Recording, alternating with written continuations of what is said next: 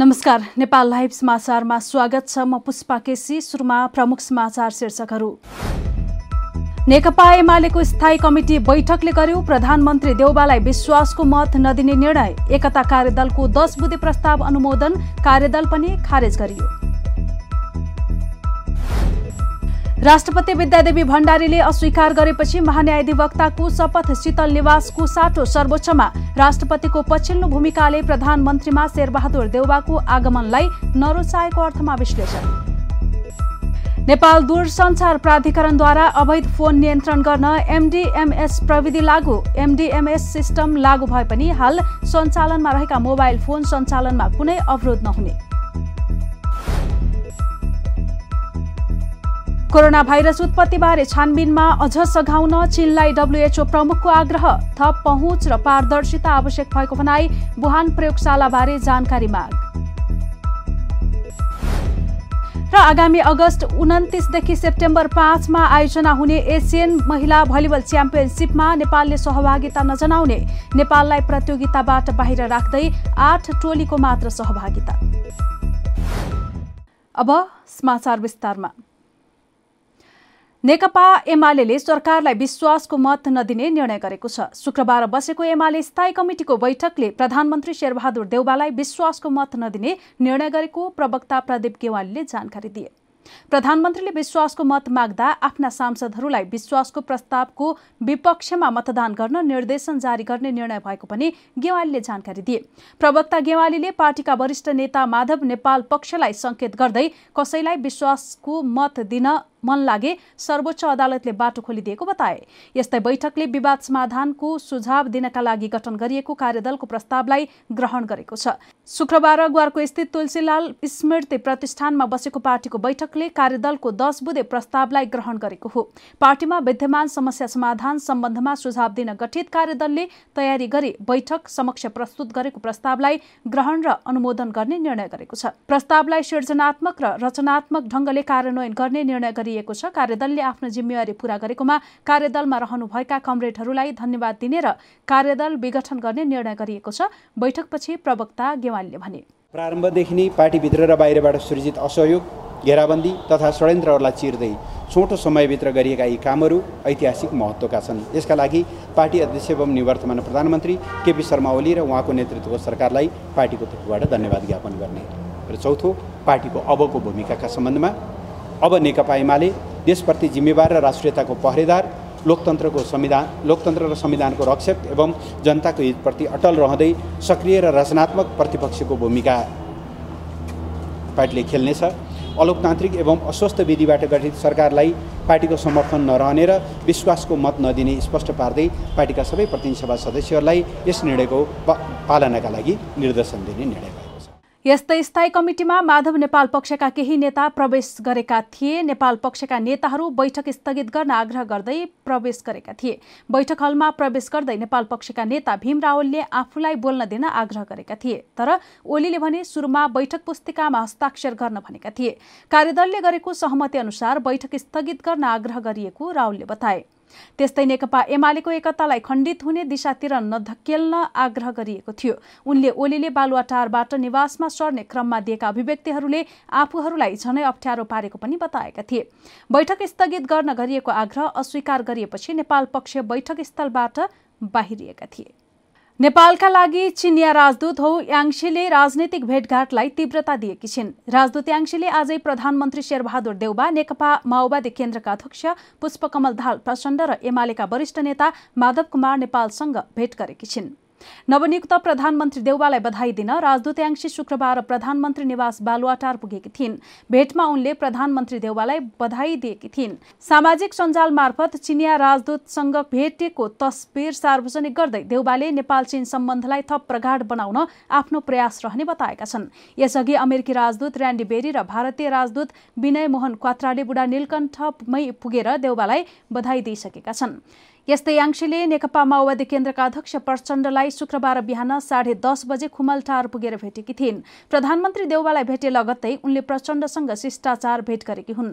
प्रचण्ड र राजदूत याङ्सीले करिब एक घण्टा भेटवार्ता गरेको प्रचण्ड निकट एक नेताले जानकारी दिए। प्रचण्डलाई भेटे लगत्तै राजदूत याङ्सी अपराह्न चार बजे एमाले वरिष्ठ नेता नेपाललाई भेट्न कोटेश्वर पुगेकी थिइन्। प्रधानमन्त्री देउवालाई भेटे लगत्तै चिनिया राजदूत याङ्सीले प्रचण्ड र नेता नेपालसँग भेट्नुलाई अर्थपूर्ण रूपमा हेरिएको छ।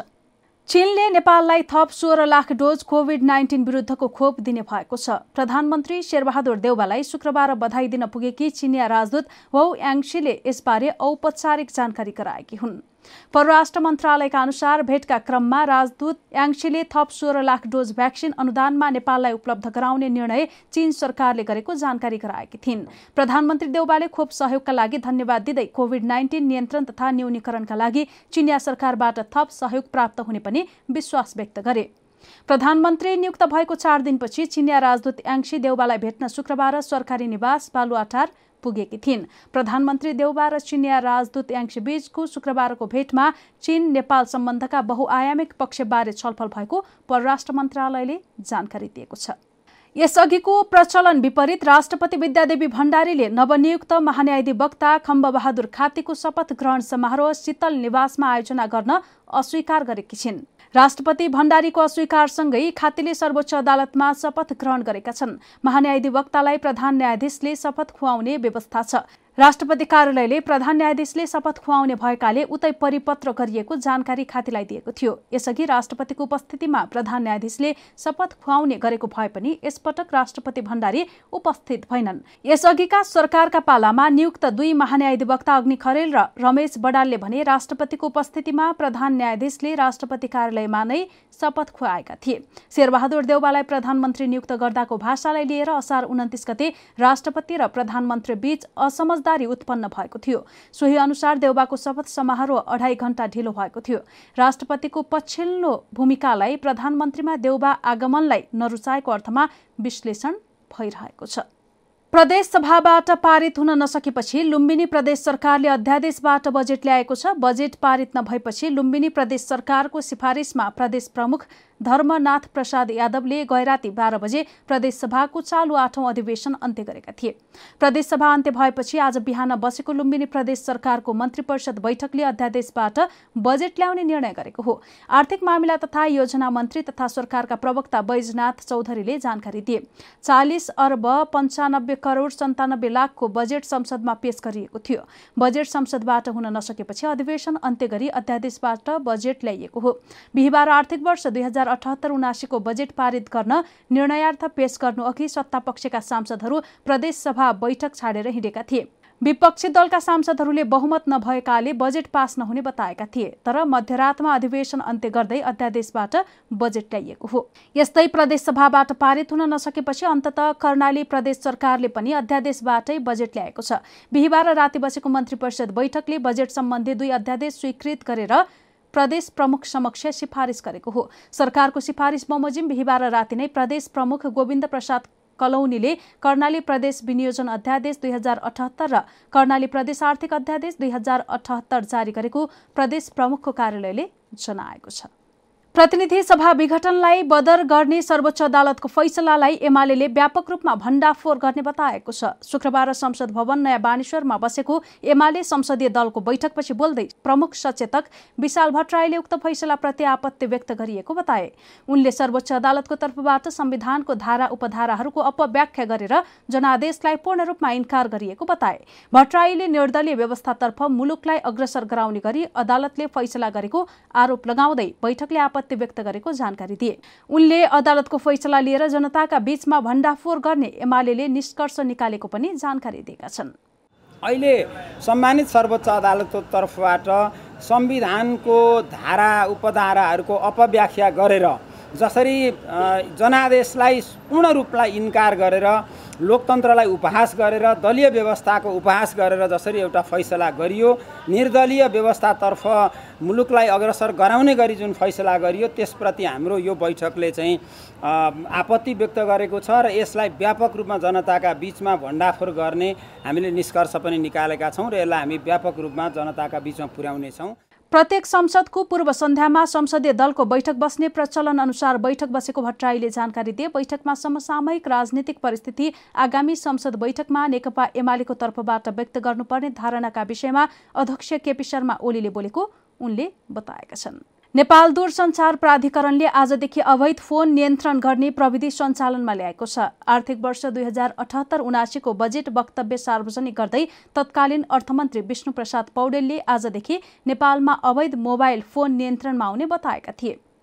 बजेट वक्तव्यमा नै उल्लेख गरे अनुसार प्राधिकरणले आजदेखि अवैध फोन नियन्त्रण गर्ने मोबाइल डिभाइस म्यानेजमेन्ट सिस्टम जडान गरेको हो। लामो समयको तयारी पश्चात आजदेखि उक्त प्रणाली जडान गरिएको छ। प्राधिकरणले मोबाइल सेटको आयात पूर्व अनिवार्य रूपमा प्राधिकरणबाट स्तर स्वीकृति गर्न तथा आइएमइआई नम्बर दर्ता गर्नुपर्ने प्रावधान रहेको भन्दै मोबाइल डिभाइस म्यानेजमेन्ट सिस्टम लागू भएको जनाएको छ। प्राधिकरणले एक सूचना सार्वजनिक गर्दै एमडिएमएस सिस्टम लागू भए पनि हाल सञ्चालनमा रहेका मोबाइल फोन सञ्चालनमा कुनै अवरोध नहुने जनाएको छ। पहिलो चरणमा व्यावसायिक आयातकर्ताले मोबाइलको आयात गर्दा IMEI registration mobile device management system मार्फत गर्ने व्यवस्था मिलाइएको छ। उक्त प्रणालीलाई क्रमशः पूर्ण रूपमा लागू गरी मोबाइलको आयात एवं प्रयोगलाई थप व्यवस्थित भरपर्दो र सुरक्षित बनाइनेछ सूचनामा भनिएको छ। एमडिएमएस प्रणालीले कर प्रणाली छलेका नक्कल गरिएका र चोरिएका मोबाइल दूरसञ्चार सेवामा प्रयोग गर्न नमिल्ने काम गर्छ। एमडिएमएसको सफ्टवेयर तथा हार्डवेयर राख्न प्राधिकरणले चावहिल स्थित भवन निर्माण गरेको छ। हामी नेपाल लाइभ समाचारमा छौँ। अब अन्तर्राष्ट्रिय समाचार।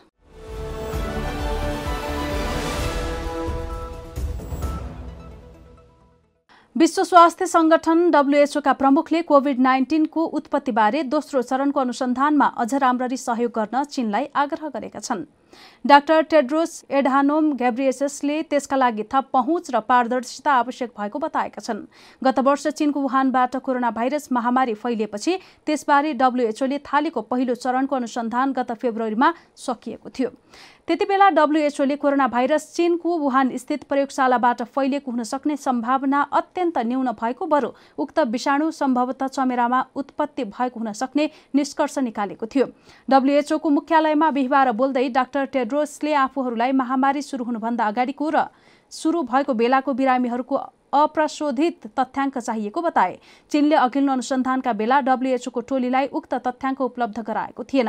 बीबीसीका अनुसार विज्ञहरूले पहिला त्यस्तो सम्भावना एकदम कम भएको बताए पनि डब्लुएचओमा अझै पनि कोरोना भाइरस प्रयोगशालाबाट चुहिएर फैलिएको हुन सक्ने आशंका विद्यमान भएको बलियो सङ्केत हो। नेपाल लाइभ समाचारमा अब खेल समाचार।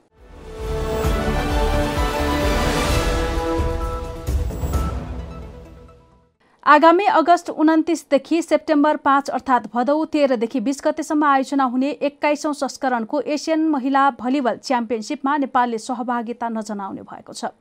एसियन भलिबल कन्फेडरेसनले कोरोना महामारीका कारण नेपाली राष्ट्रिय महिला भलिबल टोलीलाई फिलिपिन्समा आयोजना हुने भनिएको प्रतियोगितामा सहभागिता नगराउने निर्णय गरेको हो। एभिसीले शुक्रबार सार्वजनिक गरेको समूह तालिकामा नेपाललाई प्रतियोगिताबाट बाहिर राख्दै आठ टोलीको मात्र सहभागिता रहने जनाएको छ। सार्वजनिक खेल तालिकाको समूह एमा आयोजक फिलिपिन्स काजुकिस्तान उज्बेकिस्तान र चाइनिज ताइपे छन्। समूह बीमा थाइल्याण्ड दक्षिण कोरिया इरान र अस्ट्रेलिया छन्। तर एबिसीले सार्वजनिक गरेको खेल तालिकामा नेपालसहित भारत हङकङ र जापानको नाम रहेको छैन। कोरोना महामारीको कारण नेपाललाई प्रतियोगितामा समावेश नगरिएको नेपाल भलिबल संघले जनाएको छ। भारतबाट फैलिएको कोरोनाको डेल्टा भेरिएन्टको प्रभाव नेपालमा पनि रहेको छ। सोही कारण हामीलाई सहभागिता नगराउने निर्णय गरेको खबर आएको छ। संघका सचिव मनवीर छन्त्यालले नेपाल लाइभसँग भने यसअघि चीनमा आयोजना हुने पक्का भएको प्रतियोगितामा सोह्र टिमले प्रतिस्पर्धा गर्ने तय थियो। तर कोरोना महामारीपछि चीनले आयोजकबाट नाम फिर्ता लिएपछि फिलिपिन्सले आयोजनाको जिम्मेवारी पाएको हो। नेपाल लाइभ समाचार सकिएको छ। समाचारको अन्त्यमा प्रमुख समाचारका शीर्षकहरू फेरि पटक। नेकपा एमालेको स्थायी कमिटी बैठकले गर्यो। प्रधानमन्त्री देउबालाई विश्वासको मत नदिने निर्णय। एकता कार्यदलको दस बुधे प्रस्ताव अनुमोदन कार्यदल पनि खारेज गरियो। राष्ट्रपति विद्यादेवी भण्डारीले अस्वीकार गरेपछि महान्यायाधिवक्ताको शपथ शीतल निवासको साटो सर्वोच्चमा। राष्ट्रपतिको पछिल्लो भूमिकाले प्रधानमन्त्रीमा शेरबहादुर देउबाको आगमनलाई नरोचाएको अर्थमा विश्लेषण। नेपाल दूरसञ्चार प्राधिकरणद्वारा अवैध फोन नियन्त्रण गर्न एमडिएमएस प्रविधि लागू। एमडिएमएस सिस्टम लागू भए पनि हाल सञ्चालनमा रहेका मोबाइल फोन सञ्चालनमा कुनै अवरोध नहुने। कोरोना भाइरस उत्पत्तिबारे छानबिनमा अझ सघाउन चीनलाई डब्लुएचओ प्रमुखको आग्रह। थप पहुँच र पारदर्शिता आवश्यक भएको भनाई बुहान प्रयोगशालाबारे जानकारी माग। र आगामी अगस्त उन्तिसदेखि सेप्टेम्बर पाँचमा आयोजना हुने एसियन महिला भलिबल च्याम्पियनसिपमा नेपालले सहभागिता नजनाउने नेपाललाई प्रतियोगिताबाट बाहिर राख्दै आठ टोलीको मात्र सहभागिता। नेपाल लाइभ समाचार आज यति नै। यसपछि नेपाल लाइभमा बहसमा काङ्ग्रेस हेर्न सक्नुहुनेछ। यस्तै हाम्रा अन्य कार्यक्रम Nepal लाइभको Facebook page YouTube channel Twitter र हाम्रो वेबसाइट नेपाल लाइभ डट कममा पढ्न र हेर्न सक्नुहुनेछ। नमस्कार।